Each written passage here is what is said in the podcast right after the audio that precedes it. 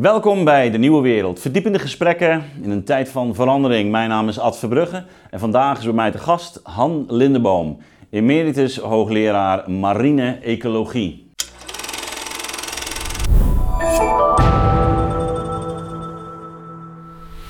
Dag Han. Ja, goeiedag. Ja, jij zit op uh, Texel, hè, begreep ik. Ik woon op Texel en ik zit op dit moment op Texel. Uh, ja, dat klopt, uh, in, in Den Burg. En uh, als ik naar buiten kijk, dan kijk ik naar het noorden over de weilanden van Texel. Ja, ja nou heel fijn dat je tijd maakt voor dit gesprek. Je bent de laatste maanden volop in het nieuws geweest. recent ook nog hebben een, een aantal wetenschappers, 36, een, ja, toch wel een vrij kritisch uh, brief gepubliceerd in Trouw, uh, die ook direct betrekking had op de twijfel die werd gezaaid rond het stikstofbeleid. En ehm, nou, het was ook duidelijk dat, dat jij een van die ehm, boosdoeners bent, die twijfel zaait in dit debat. Um, ja, ik hoorde ook een gesprek met jou, met Han Olf die uh, uh, nou, ook aangaf uh, ja, dat twijfel natuurlijk binnen de wetenschap heel gezond is, maar dat hier toch wel consensus over bestaat. Um, we gaan het daarover hebben in een wat breder perspectief. Um, ik, wil ook eigenlijk dit, dit, gegeven zelf graag met je aan de orde stellen. Wat moeten we hier nu mee als, als publiek? Maar misschien toch om, om maar van start te gaan ook voor alle helderheid, uh, vind jij dat er een stikstofprobleem is in, uh, in Nederland? Ja, dat oh. is er. Hè, want uh, precies, dus daar hoeven we het niet over te hebben. Er is een... Niet over te hebben, alleen we hebben het probleem hebben we niet juist. Daar zit het probleem. Dus er is een probleem, stikstof. Stikstof moet terug. Het zal toch in de toekomst moeten halveren, denk ik nog. Dat, dat is wel nodig op de langere termijn. Uh, en uh, ja, dat, uh, dat, dat moeten we zeker doen. Ja, dus de, dus de kwestie die voor ligt is eigenlijk, nou ja, wat is de, de, de achtergrond van dat probleem? dus hoe, hoe, wat is de situatie waarin we nu zitten, waardoor die stikstofstijging is veroorzaakt? En ook, um, nou ja, een, een adequate analyse is nodig ook om dan de juiste maatregelen te nemen. En daar gaan de wegen uiteen, begrijp ik. Ja, ik denk dat we het eens zijn over eh, er komt te veel stikstof in, in, ons milieu. Uh, dat heeft effecten. Uh, ik denk dat over die effecten zouden we nog eens even flink moeten discussiëren. En dan vervolgens ook over welke maatregelen moet je nou nemen om dat, te voorkomen dat die effecten zich, zich voordoen. Dus de, eigenlijk is de grote discussie nu over van wat moeten we nu doen om het aan te pakken. En dan is er een verschil van inzicht in, uh, pak je het dus bij die bronnen aan, dat moet je zeker ook doen, en hoe je dat doet, maar je moet het ook aan de kant van uh, de natuur. En eigenlijk dringen we erop aan, want er is maatwerk nodig, zowel aan de, de bronnenkant, dus bij de, bij de boerderijen, et cetera, maar ook, ook bij de andere bronnen die er zijn. Niet vergeten, nu, nu zitten we alsmaar over boeren te praten, maar er zijn ook andere grote stikstofbronnen, die moeten we ook meenemen in het hele verhaal. En, uh, en, dan, en dan de natuur. En, en, en met name aan de natuurkant zitten we, uh, wat de maatregelen betreft, niet goed. Ja, nou daar, daar gaan we het uh, zo ook nog even verder over hebben. Um, toch maar weer even een, um, een, een vooropmerking of een voorvraag. Um, hoe kijk jij op dit moment naar, naar dat debat? Kijk, ik als relatieve leek, hè, ik heb me er wel een beetje in verdiept.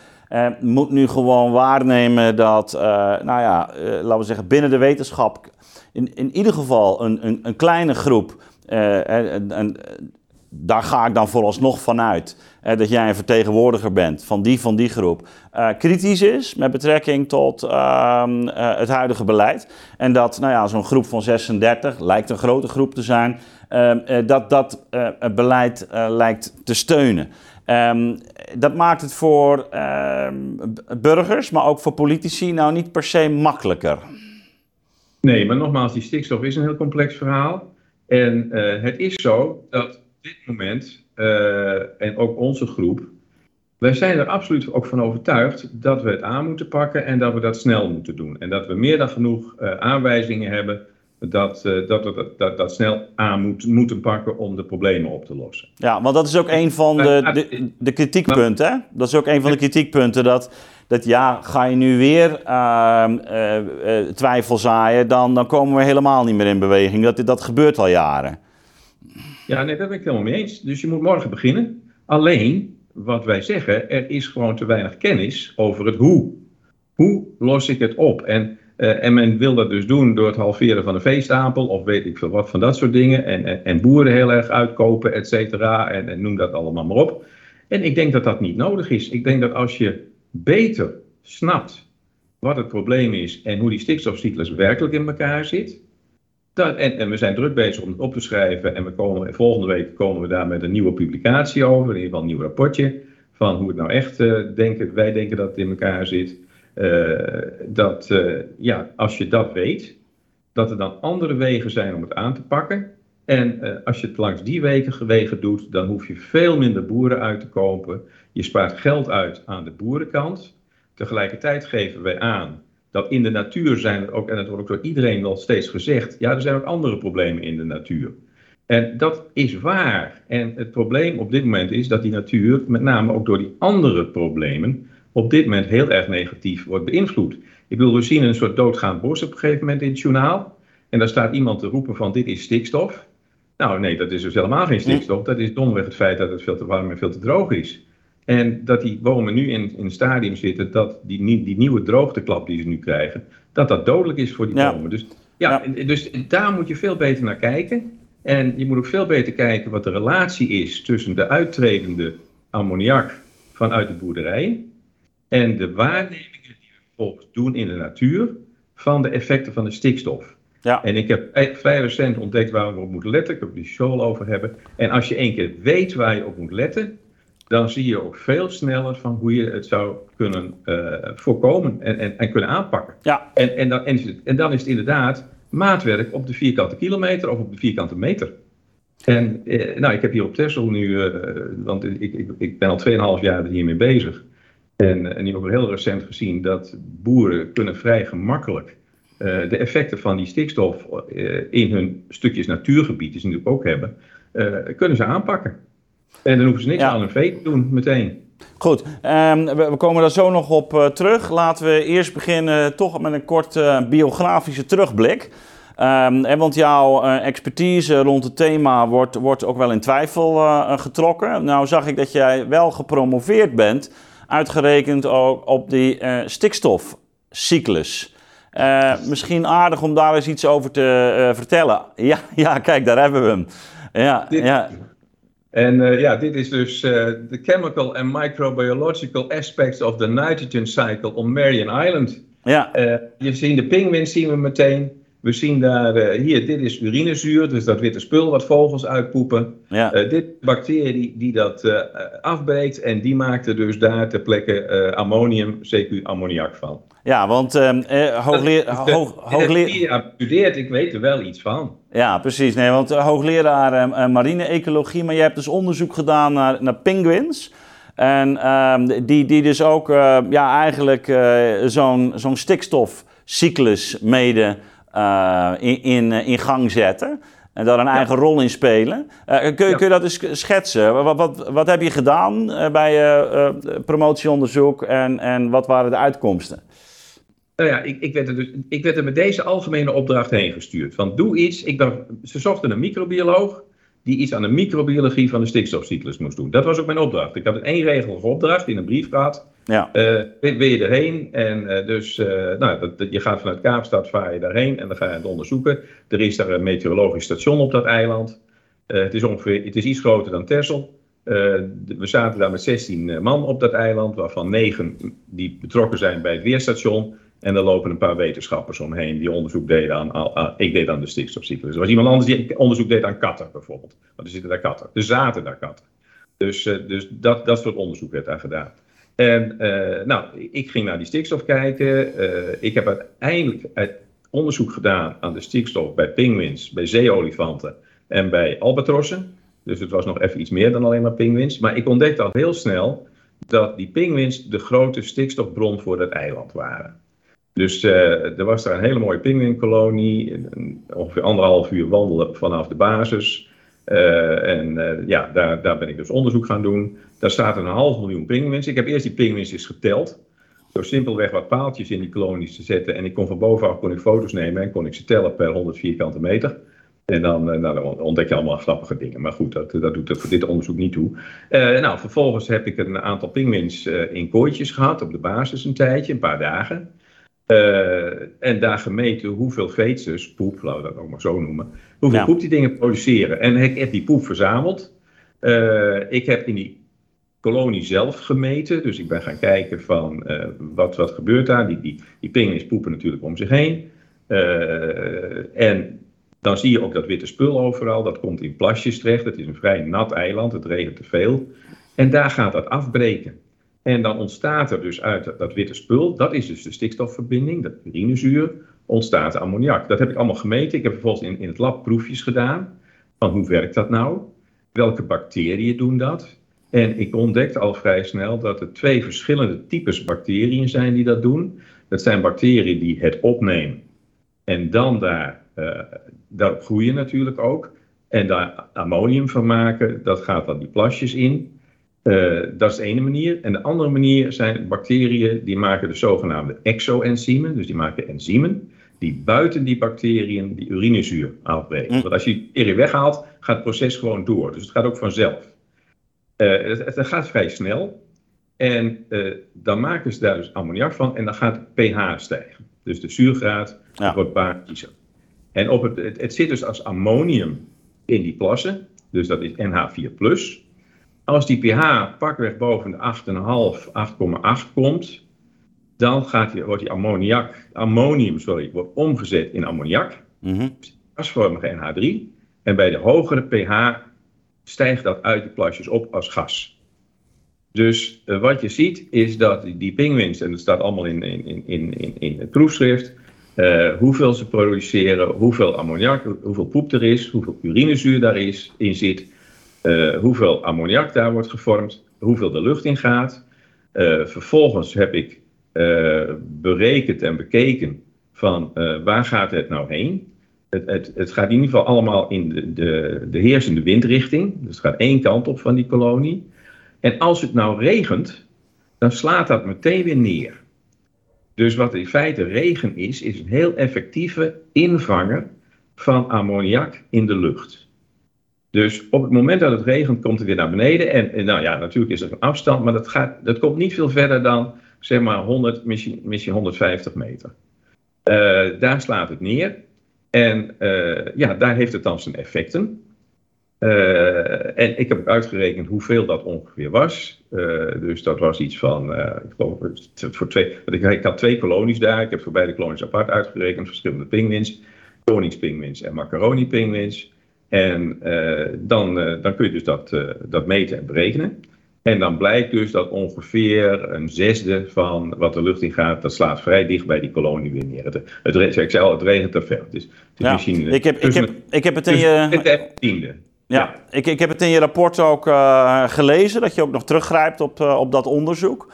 Um, ik heb hier een tijd geleden met uh, Irene van der Marel ook een gesprek gehad. Uh, zij is boerin, maar ook ingenieur, een Wageningen achtergrond, had zich ook verdiept, of is zelfs afgestudeerd ook op die stikstofcyclus, destijds al. Um, en, en, zij gaf ook aan, dat, dat was ook haar kritiek eigenlijk op, op het beleid, dat um, ja, die stikstofuitstoot uh, of sorry, die ammoniak, want laten we even uh, uh, blijven bij wel, hè, wat gedetailleerd is. Dat, dat die dus een, vrij nou, in de nabijheid eigenlijk neerslaat. Hè, dus dat, en, en, ook voor zover daar wetenschappelijke publicaties over zijn, en dat moet ik dan maar aannemen, hè, want ik ben geen specialist. maar dat die toch laten zien dat dat hooguit ja, op 500 meter, een kilometer. Nou las ik iets vergelijkbaars ook in jou. Uh, rapport, dus dat dat in een straal. Kon jij dat ook waarnemen? Zag je ook een andere, laten we zeggen, ecologisch patroon uh, in, die, in die omgeving? Dat kun je heel goed waarnemen. Want wat er gebeurt is, er gaat dus veel ammoniak de lucht in. Op het moment dat die pinguïns er zijn natuurlijk. En de koningspinguïns zitten het hele jaar. De macaroni-pinguïns zijn in de winter weg. dat, nogmaals, een, een, een deel, misschien een tiende, als je naar jaarlijks totaal kijkt, die, die, die regent dus vlakbij die kolonies neer. Daar gaat gras groeien. dat Poa cookie. En dat groeit heel hard. Hard groeiend gras, dat is hoog. alleen maar aan de benedenwindskant van die kolonie. Uh, daar zijn andere vogels, de grote stormvogels, die daarin broeden. Dus het is eigenlijk een heel mooi ecosysteem. Leuk, met, met veel gras. Natuurlijk is het eh, qua biodiversiteit is het heel arm, maar bijvoorbeeld er zitten wel vleugelloze vlinders en, uh, en vliegen in. Die, die vliegen niet, want dan zouden ze meteen van het eiland afwaaien. Dus dat is wel grappig. Dus je hebt een heel apart ecosysteempje, wat dus vlakbij die pinguïnkolonie zit. En nogmaals, je kunt het gewoon zien, dat vlakbij die kolonie groeit dat heel hard. Dat heeft daar ook een dikke turflaag gevormd. Daar ligt een turflaag van meer dan 6, of van 6 meter dik. Verderop, als je daar overheen loopt, merk je gewoon dat die dunner wordt. En, en, en op het moment dat je 200, 300 meter weg bent, ja, dan, is het, hebben we nog over een turflaag van, van hooguit een meter dik. Dus vlakbij die kolonie is dat een hele dikke turflaag. Uh, als je een, een, een, halve kilometer verderop bent, dan zie je al meteen dat de vegetatie weer wordt zoals het op de rest van het eiland is. Dat zijn een soort varentjes in hoofdzaak en wat andere planten.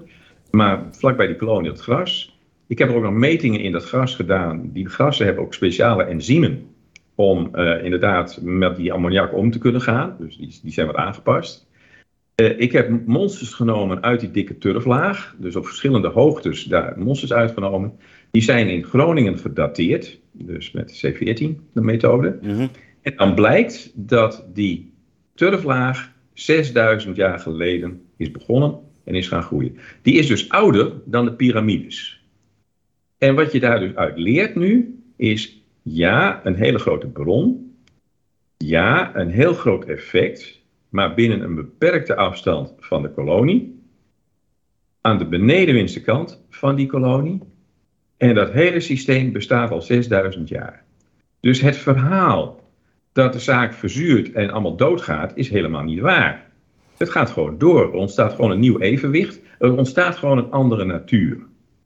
En daar is dat hele mooie natuur en die hoort daar. En dan eentje verderop heb je gewoon de normale natuur wel weer. Ja, want dat is, dat is natuurlijk ook het debat. Um, we starten dit gesprek ook met jouw opmerking. Ja, de stikstofuitstoot uh, is te hoog. We hebben, we hebben zoiets als een stikstofvraagstuk, probleem.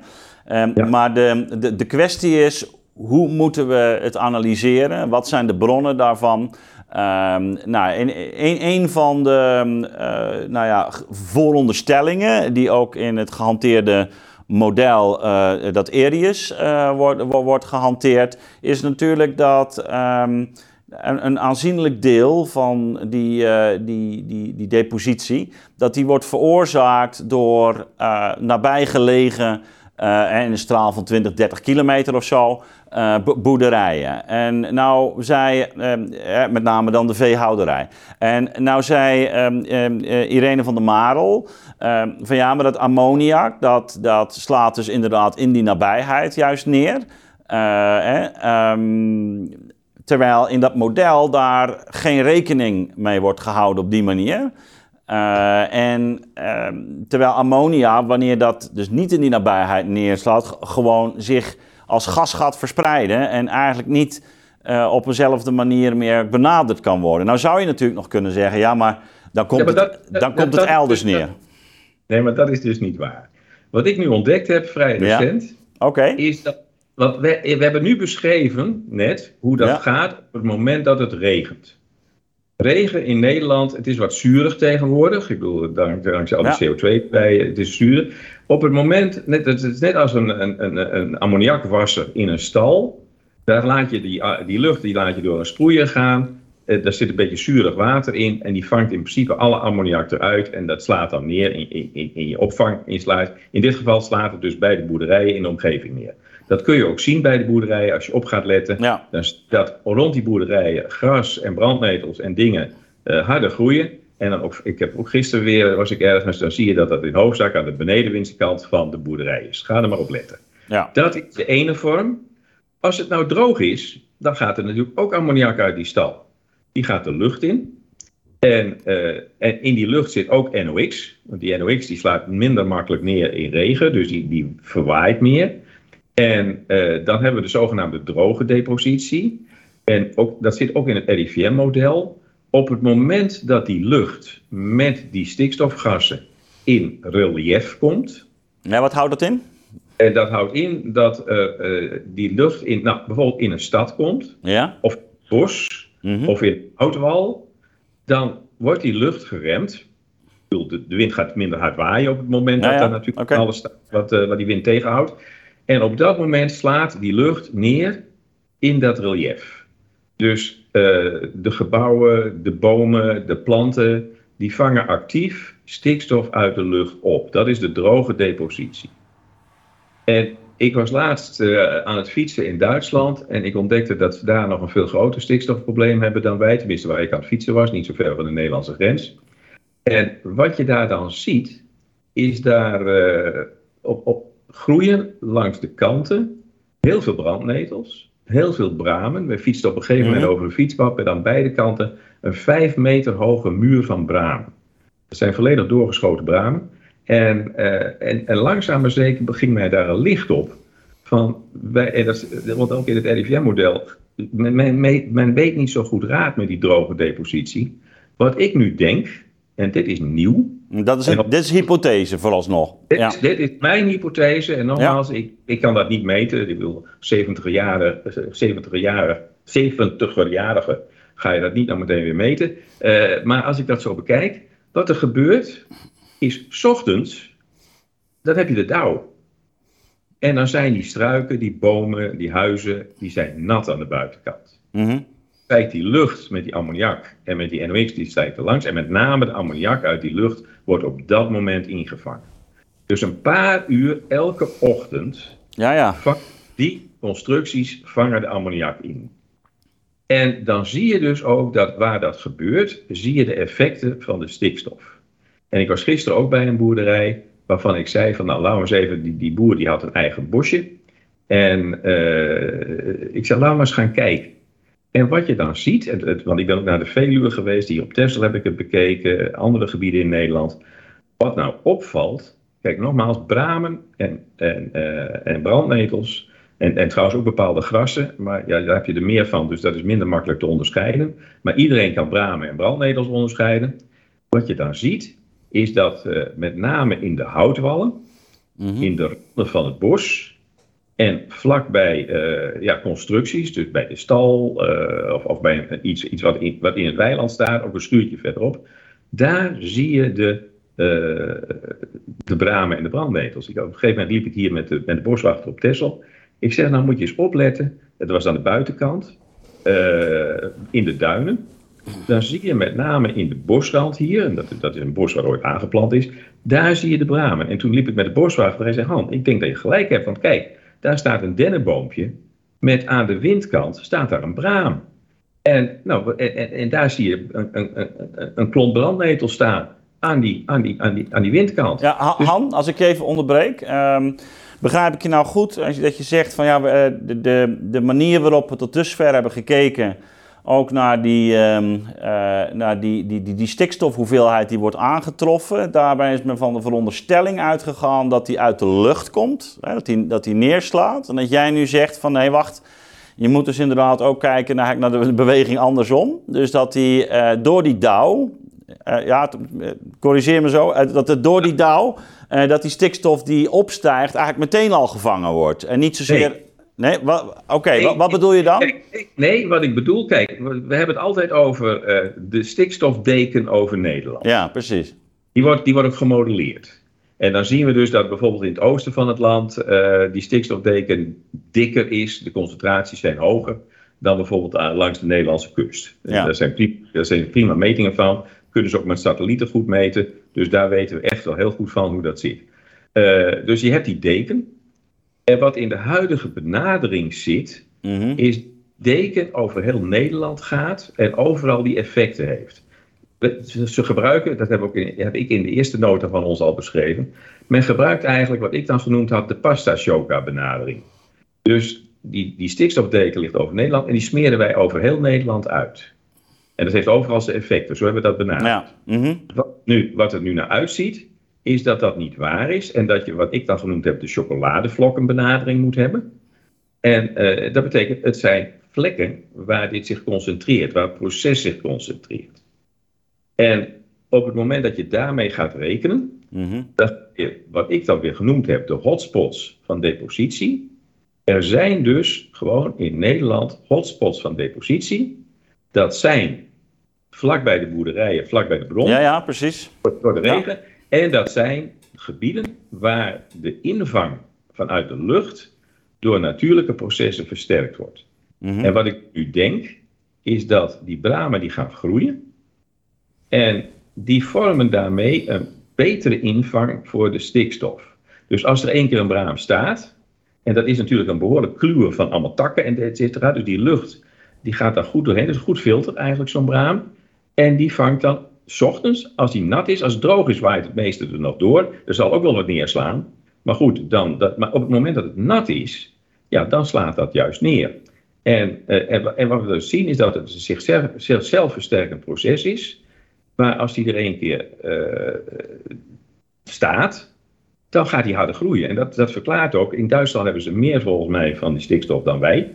En dat kun je ook zien trouwens op de kaarten. De, de stikstofdeken, mm. Met name in dat, dat, eh, dat kustgebied, uh, sorry, het grensgebied grensgebied met Duitsland, dus de eerste 100 kilometer missie van Duitsland, uh, is, is wat hoger. Nou, en daar zie je dan dus dat effect. En, en Han, even meer voor, voor, mijn, voor mijn beeld, want eh, zoals ik het nu net uitlegde, leek het alsof het, zeg maar, die stikstof werd afgevangen uit, uit de nabije omgeving. Je zegt nee, dat maakt niet uit. Dus die, die lucht, die, die, dat is die deken waar jij het over hebt. En dan hebben we het niet alleen over ammoniak, maar we hebben het dan ook over die stikstofoxide.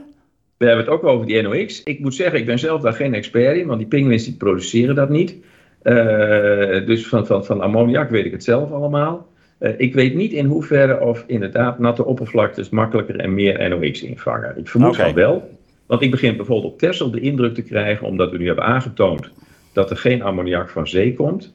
Uh, en we zien hier wel die lokale effecten van die stikstof. Ik noemde dat al, die bramen bij die, uh, bij die dennenboompjes bijvoorbeeld.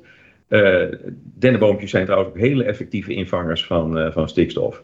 Uh, dus, en ik denk dat op Texel het waarschijnlijk uit de.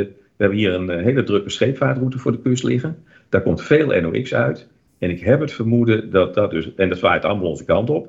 we zitten benedenwind van die scheepvaartroute. Dat dat de, de belangrijkste oorzaak is van, van de hoeveelheid stikstofeffecten die wij hier hebben. Ja, dan, dan, dan, niet, niet de schapen zoals het RIVM had, uh, had gemodelleerd. Dat is absoluut niet waar. Um, ja, dan zitten we denk ik ook meteen op het, uh, op het heikele punt. Hè? Ook uh, wat, wat jullie kritiek betreft. Um, op, op dit moment wordt dat, dat Erius-model als, als een belangrijk vertrekpunt genomen voor het beleid.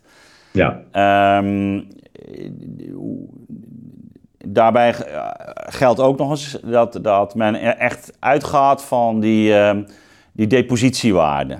Hè? Dus die, ja. uh, kun, kun jij eens kort aangeven wat, wat, er, wat daar volgens jou, ook nu teruggrijpend op wat we zo even besproken hebben, wat, wat, wat daar verkeerd aan zou zijn?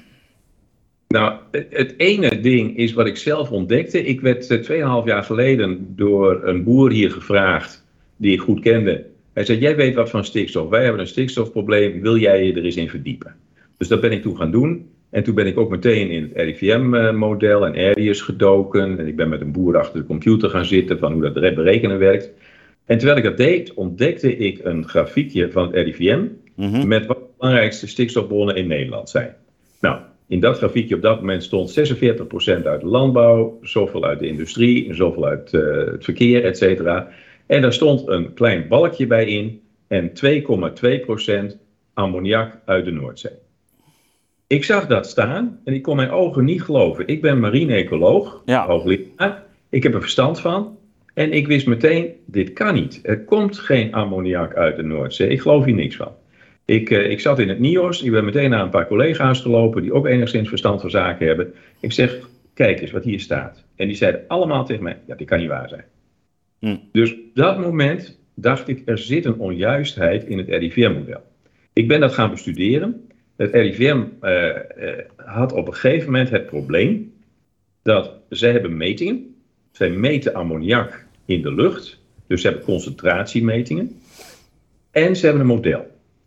En het RIVM had ontdekt dat met name in de kustzone er een verschil zit tussen de metingen en het model. De metingen zijn hoger dan het model. Dat hebben ze toen eerst het Duinengat genoemd. En dat is langs de hele Nederlandse kust. Ja, dat kun je ook zien hè, op dat kaartje, ja. Van Katzand tot Rob. Ja. De hele Nederlandse kust. Het is ongeveer 25% van de totale stikstof die ze daar berekenen. Dus het gaat wel ergens over. En natuurlijk, als je verder van de kust afkomt, wordt het procentueel minder. En als je het Nederland gemiddeld uitrekent, is dat 2,2%. Ja. En dat is meer dan er uit de hele Nederlandse industrie komt. Dus daar hebben we het over. Wat doen zij dus? Zij, zij dichten dat verschil door in het model stikstof toe te voegen. Dus er wordt gewoon stikstof weer opgeteld tot ze op de juiste waarde zitten ten opzichte van hun meting.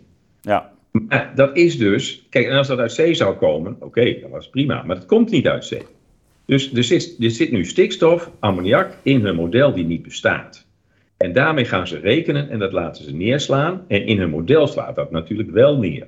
Maar in de natuur slaat dat niet Maar, neer. maar kun, kun je mij, kun je mij uitleggen ehm, hoe, het, hoe het kan dat zij dan eh, toch teruggrijpen op de, op de zee als de bron van eh, die ammoniakuitstoot? Ik bedoel, dat, daar moet je dan toch wel enige aanleiding toe hebben. Je gaat Ja, dat... ja, maar- ja, die hadden ze ook wel. Want nogmaals, ze, ze hadden dat verschil, verschil ge- geconstateerd. Nou, het is langs de hele Nederlandse kust. En eh, we hebben natuurlijk wind van zee in hoofdzaak. Met, met westenwind, zuidwestenwind. Dan is het niet onlogisch om te denken, het zal wel uit de zee komen. Toen hebben ze daar een rapport over geschreven in 2014. Daar zitten zeven hoofdstukken in waarin ze verklaren waar die stikstof vandaan komt. En dan beweren ze onder andere dat dat uit algen komt. Eh, maar het punt is, op het moment dat algen gaan groeien, Mhm. nemen ze ammoniak op. En, en ze staan het helemaal niet meer af. Ja, uiteindelijk zullen bacteriën die algen weer gaan afbreken. Maar, en dan komt er gewoon weer ammonium in zee. Maar er komt geen ammoniak uit. Maar is, is, dat, is, dat, eh, is, dat, is dat domheid? Is dat een blinde vlek? Hebben ze jou niet benaderd? Ik bedoel, wat... Je, je, Nee, ja, nee, dat hebben ze in 2014 gedaan. En toen kende ik het probleem helemaal niet. In 2019 ben ik eraan begonnen. En ik ontdekte dat. Ik ben meteen naar hun toe gegaan. Ik zei, volgens mij zit er een onjuistheid in jullie benadering. Dus Ja. ik ben naar Beeldhoven gegaan, heb met hen gesproken. Nee, dat klopt wel, want onze metingen kloppen. Zij geloven heilig in die metingen. En ze zeiden van, weet je wat we gaan doen? Je mag ons helpen. We gaan, als het de zee niet is, zal het wel een andere bron in de buurt zijn. Dus men ging, ging zoeken. Een half jaar later, het heette dus ammoniak uit zee, hebben ze het veranderd in ammoniak van zee. Dus het moest door een of andere bron van zee komen. Ik zei tegen hen, ja, maar wat is dat dan? Ja, dat zal de scheepvaart wel zijn. Ik zeg, nee, uit scheepvaart komt NOx. ja. En dat in hun model. En dat klopt wel. Die- Dat deel klopt wel. Die ammoniak klopt niet. Nou, oké, ze zijn verder gaan zoeken. Eh, ze zijn allerlei. eh, maar de, nogmaals, ik, ik, ik denk dat. En ik heb nog weer contacten met hun gehad. Maar op een gegeven moment. Ik ben zelfs met een van hun medewerkers. Ben ik bij Zwanenwater gaan Mhm. kijken. Van, meten jullie dat nou eigenlijk? Want ze zeiden van. Maar hoe verklaar jij het dan? Ik zeg, zou het geen meetfout kunnen zijn? Jullie metingen zijn hoog. Stel nou dat er een, een fout in die metingen zit. Nee, onze metingen zijn goed. Nou, nou, en toen ben ik met een een van de medewerkers een hartstikke gezellig gesprek gehad, een goede wandeling gehad. Zwanenwater, daar hebben ze vier verschillende monsterpunten.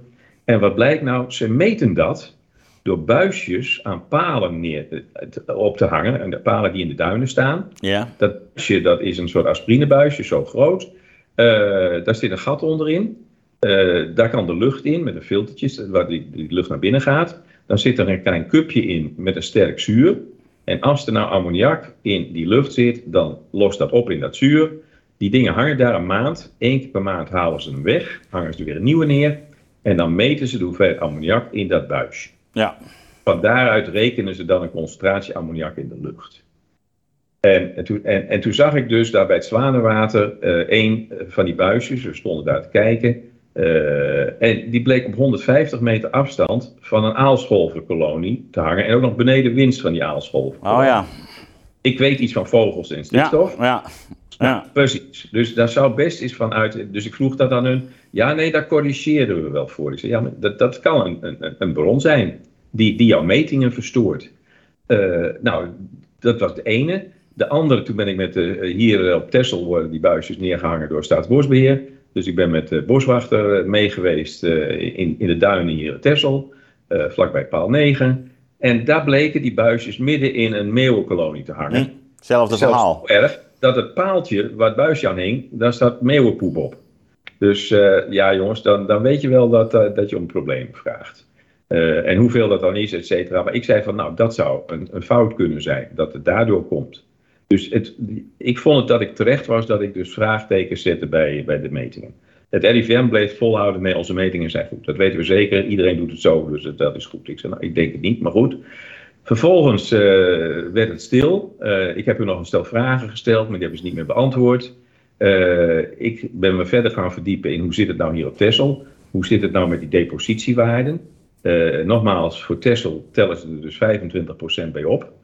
als je dan gaat kijken van, je hebt dus die zogenaamde kritische depositiewaarden. Ja. is dus een bepaalde waarde. Als je daarboven zit, dan krijgen de effecten in de natuur.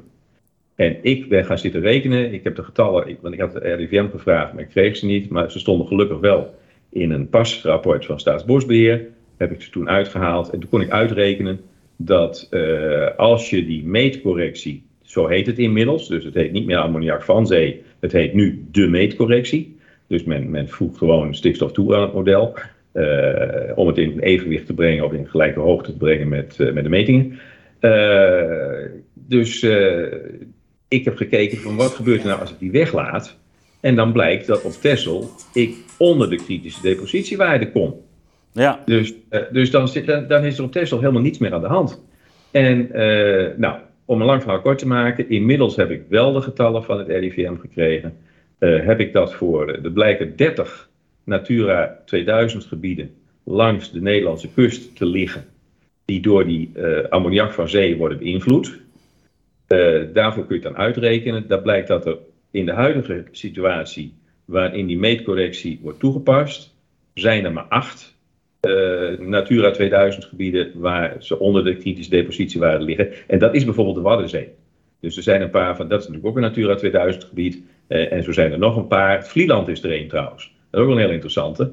Want er was natuurlijk toen die kaart verscheen van op ja. die vrijdag toen uh, moest Vlieland moest, koeien verwijderen die, die ze niet hebben. En, nou, ik ja, dat, vond ik toen al opmerkelijk, ja. Ik, ik kwam achter dat, ja, ik weet niet wie naar die getallen heeft gekeken, maar in ieder geval voor Vlieland. Vlieland zat al onder de kritische depositiewaarde. Dus we maken ze zich druk om. Er is niks aan de hand, er zouden koeien bij kunnen. Maar dus, dus dat ontdekte ik daar. Vervolgens hebben we het vet bekeken, ik heb de getallen van gekregen, ik, heb zitten rekenen. En dan blijkt dat uh, van die 30 zijn er dus nu al 8. Als je die kritische depositiewaarde weglaat, komen er 8 bij. En dat zijn dan de vier eerste Waddeneilanden. Dus Texel tot en met Mhm. Ameland komt ook onder de kritische depositiewaarde. Schiermonnikoog komt er niet onder. En dan zien we een heel interessant fenomeen, wat we heel goed weten. Want er komt dus geen ammoniak uit de Noordzee. Er komt wel ammoniak uit de Waddenzee. Uh, en dat heeft te maken met droogvallende platen. Daar zitten algen op. Er zit in de bodem van de Waddenzee, iedereen kent die zwarte, die daar wel eens gewandeld heeft of wat gelopen heeft, die, die weet allemaal die zwarte prut die daar zit, die zwarte bodem. Uh, uh, en in die bodem zit veel ammonium. Hm. Dat is gewoon normaal, natuur, niks meer aan de hand. Die zit daarin, die komt ook normaal niet uit, want dat blijft gewoon ammonium. Totdat op zonnige dagen, bij laag water, dan groeien er algen op die bodems. Iedereen heeft het wel eens gezien, die bruine laag die je ziet. Je ziet soms wel eens belletjes daarin ontstaan. Dat begint als zuurstof, maar dat is uiteindelijk lucht. Op dat moment nemen die algen CO2 op, om daar celmateriaal van te maken, om daarvan te groeien. En dan gaat de pH stijgen. Daar wel, dat gebeurt in de Noordzee ook wel een beetje, maar dan wordt het meteen verdund, want dan zit het in het water. Hier zit dat in een heel dun waterlaagje op die bodem. De pH gaat stijgen, er zit heel veel ammonium, ammonium onder en dat wordt op dat moment ammoniak. Die pH die kan oplopen tot een waarde ruim boven de 9. En op dat moment komt er heel Kijk, veel dat verhaal. Ja. die bodem. Ja. En, nou, li- en nou ligt Schiermonnikoog ligt weer in de downwindse kant van die wat, watbodems. Ja. Ik had gedacht dat Ameland hetzelfde zou hebben, maar dan ben je toch nog net niet ver genoeg de bocht erom, denk ik. Dat het daar ook eh, significant of veel overheen waait. Ja. Bij Schiermonnikoog waait het er wel overheen.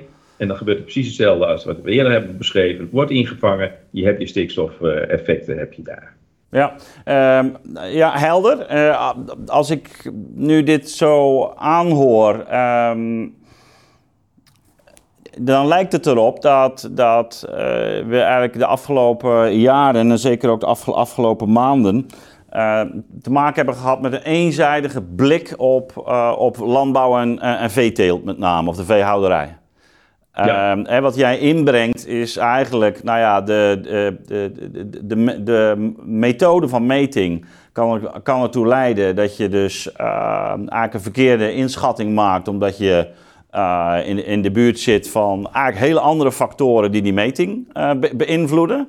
Ja. Of het nou een meeuwenkolonie is, of aalscholvers, of nou ja, een waddenzee.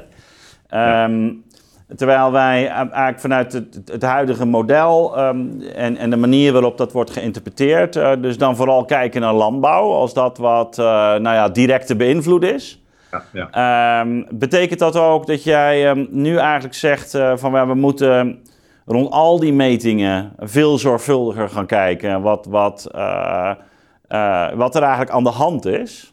Ja, nou, om daar nog even wat aan aan te vullen. Uh, een paar weken geleden heeft de minister nog weer een brief aan de Tweede Kamer geschreven over deze ammoniak uit zee.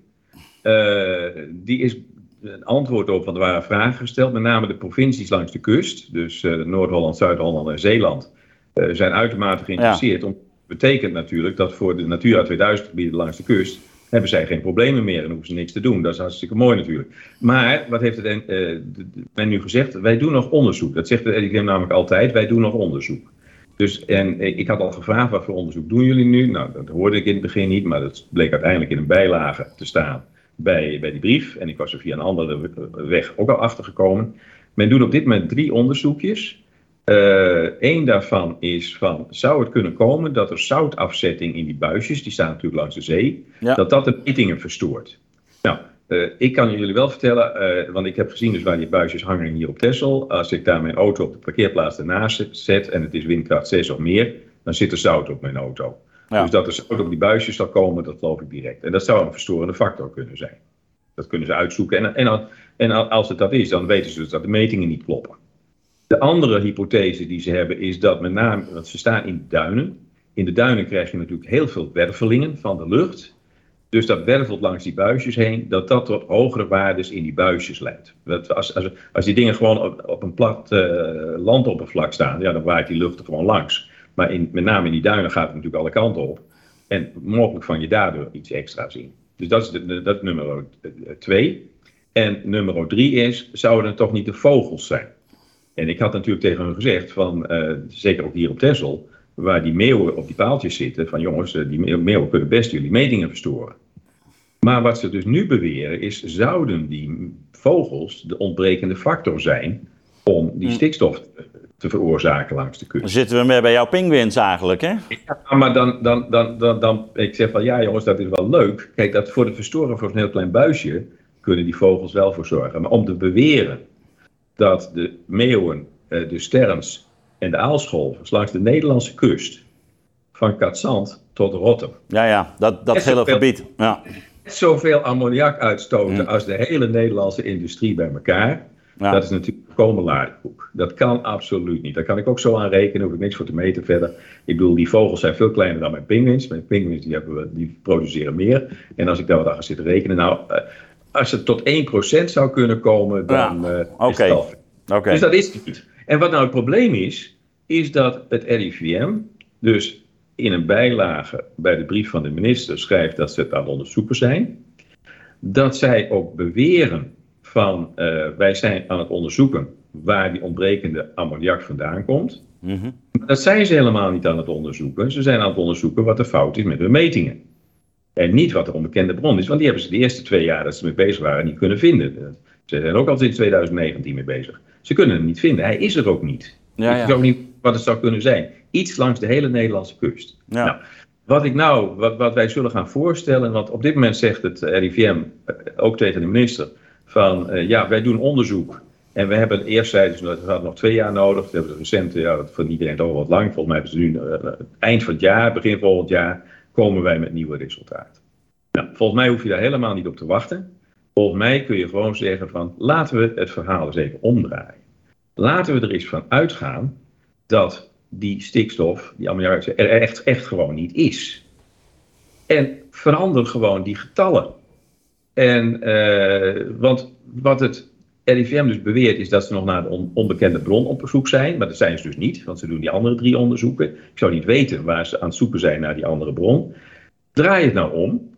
Haal gewoon die, uh, die meetcorrectie uit je model.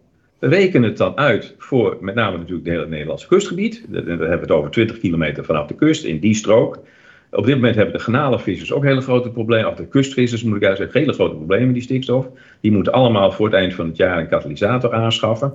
Nou, volgens mij is dat helemaal niet nodig, want er zijn geen problemen daar. Als je die, als je die meetcorrectie weglaat, dan zijn er voor de genalenvissers nauwelijks nog problemen. Behalve bij Schiemenkoog. Laat, laat, het, laat het weg. Laat, maar, maar zou je niet, zou je niet uh, ook andersom kunnen redeneren? Ik bedoel, um, als nou de huidige metingen niet adequaat zijn, dat je gewoon inzet op, op uh, betere, andersoortige metingen. Ik bedoel, je, je wil toch wel weten wat er aan de hand is. Nee, dat, nee maar wat ik je voorstel nu, ja. is je verandert nu het model. Ja.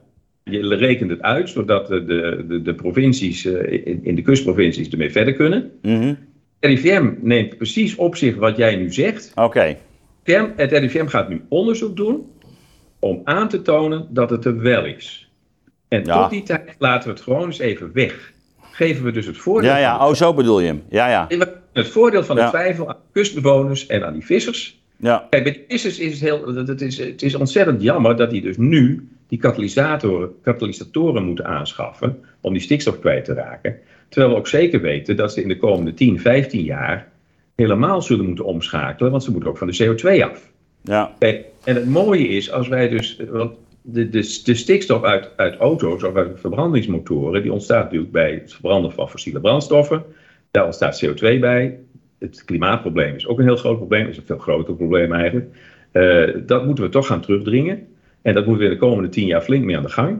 Dus uiteindelijk kun je ook wel voorspellen dat die, die, die, die vissen zullen op waterstof of op elektriciteit en wie weet wat we nog allemaal gaan uitvinden de komende tijd.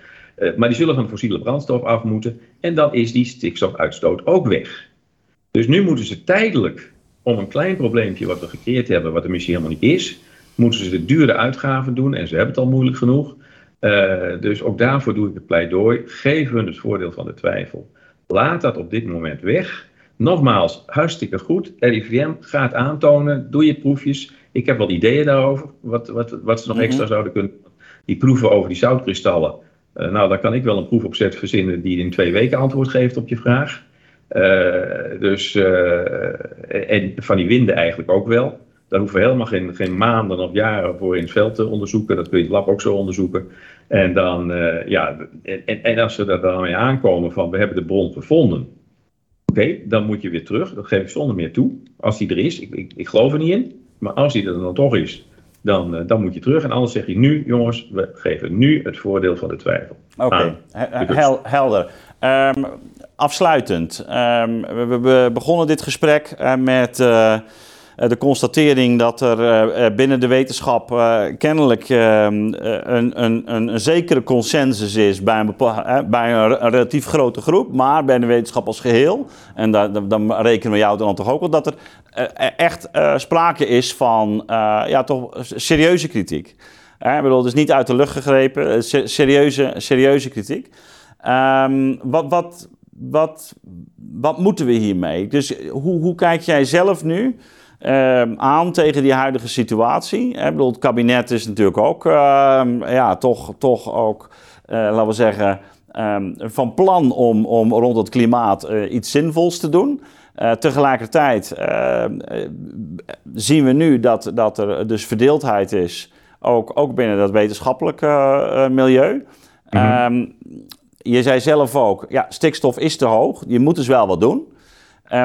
Dus afsluitende vraag, hoe zou de wetenschap zelf hier eigenlijk op moeten uh, acteren? En hoe moeten we als, als samenleving, als politiek verder? want...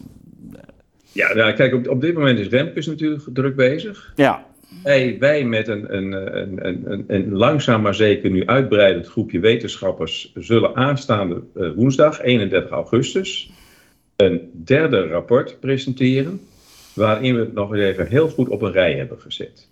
Want uh, bijvoorbeeld, er zijn ook problemen met het RIVM-rapport, uh, met het RIVM-model, wat betreft de manier waarop dat model gebruikt wordt. Dus er zijn de, ook twee mensen, Mark Jacobs en, en René Meester, Meester, die een boek aan het schrijven zijn waarin zij beschrijven dat er toch in het gebruik van dat model, de manier waarop we ermee omgaan, dat daar toch wel onjuistheden in zitten. En dat ja. we daar veel stellige getallen uithalen dat het allemaal helemaal niet, niet mag. En er zijn meer mensen die dat, die dat zeggen en roepen. En er komt steeds meer en meer bewijs dat dat zo is. We zetten dat allemaal samen op een rij. Mhm. En wat, wat we proberen is om komende woensdag een integrale oplossing te bieden.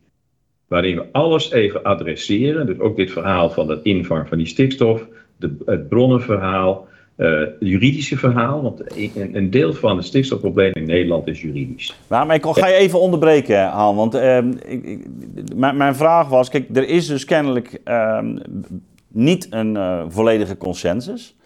Ehm, die groep van 36, om het zo maar te noemen, die heeft gezegd, jongens, ophouden hiermee.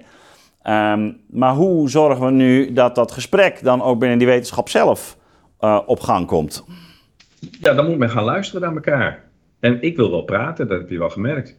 En uh, ik wil de discussie ook wel graag aan en dat doe ik ook. Ik ben, ik ben zelf ook naar die stikstofhoogleraar of stikstofprofessoren geweest al, al 2,5 jaar geleden.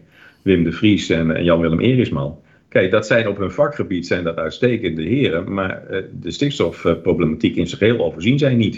Ik bedoel, ik, ik, ze hebben een boek geschreven. En toen had ik ze al verteld van die ammoniak uit de, uit de Noordzee bestaat. Die trouwens, de RIVM heeft nu erkend hè, dat er Mm. veel minder ammoniak uit de zee komt dan ze ooit dachten. Ze hebben nog niet gezegd het is nul, maar ze hebben nu wel gezegd het is nou, veel minder. We, we, gaan, we gaan proberen om die, eh, die heren dan hier ook te krijgen. Um, kijken of we dat gesprek uh, kunnen voeren. Uh, want ik denk dat wel dat het hoogst belangrijk is. Want um, ja, we, uh, we moeten er toch varen op wat, wat er wetenschappelijk wordt, wordt binnengehaald. Um, daarbij ook de soms de beperktheid onderkennen van, precies die uh, wetenschappelijke posities en hypothesen.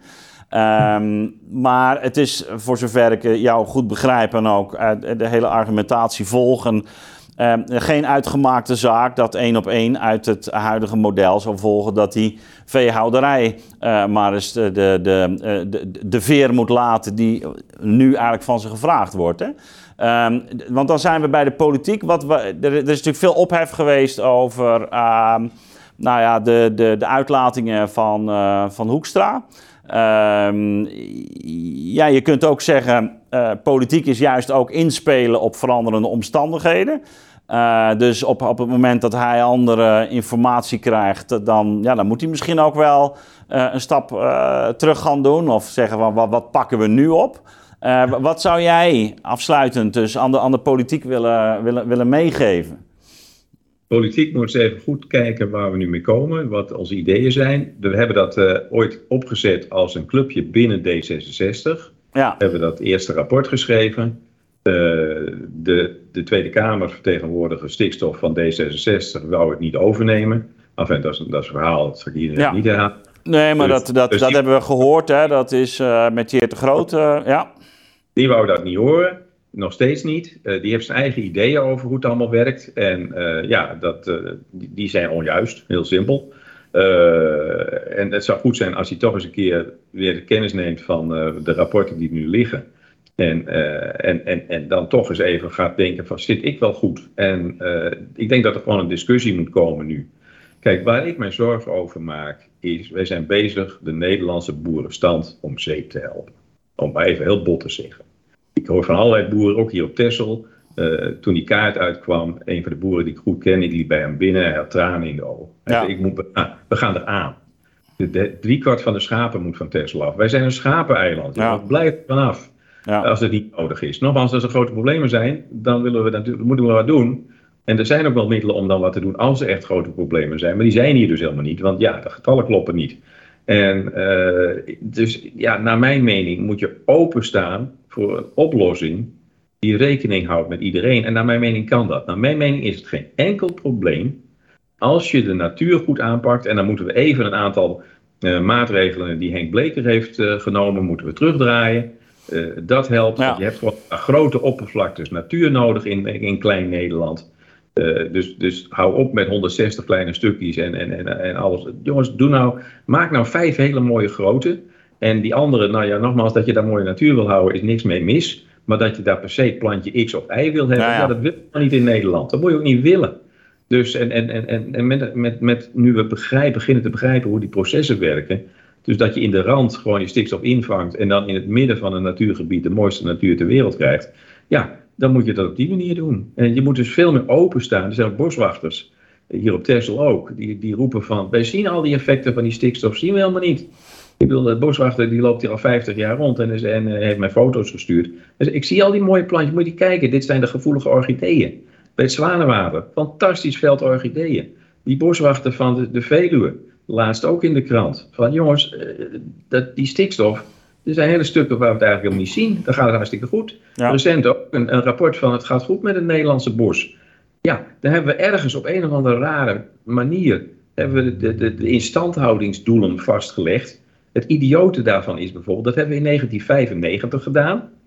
Toen de, de, toen de stikstofdepositie het dubbele was van nu.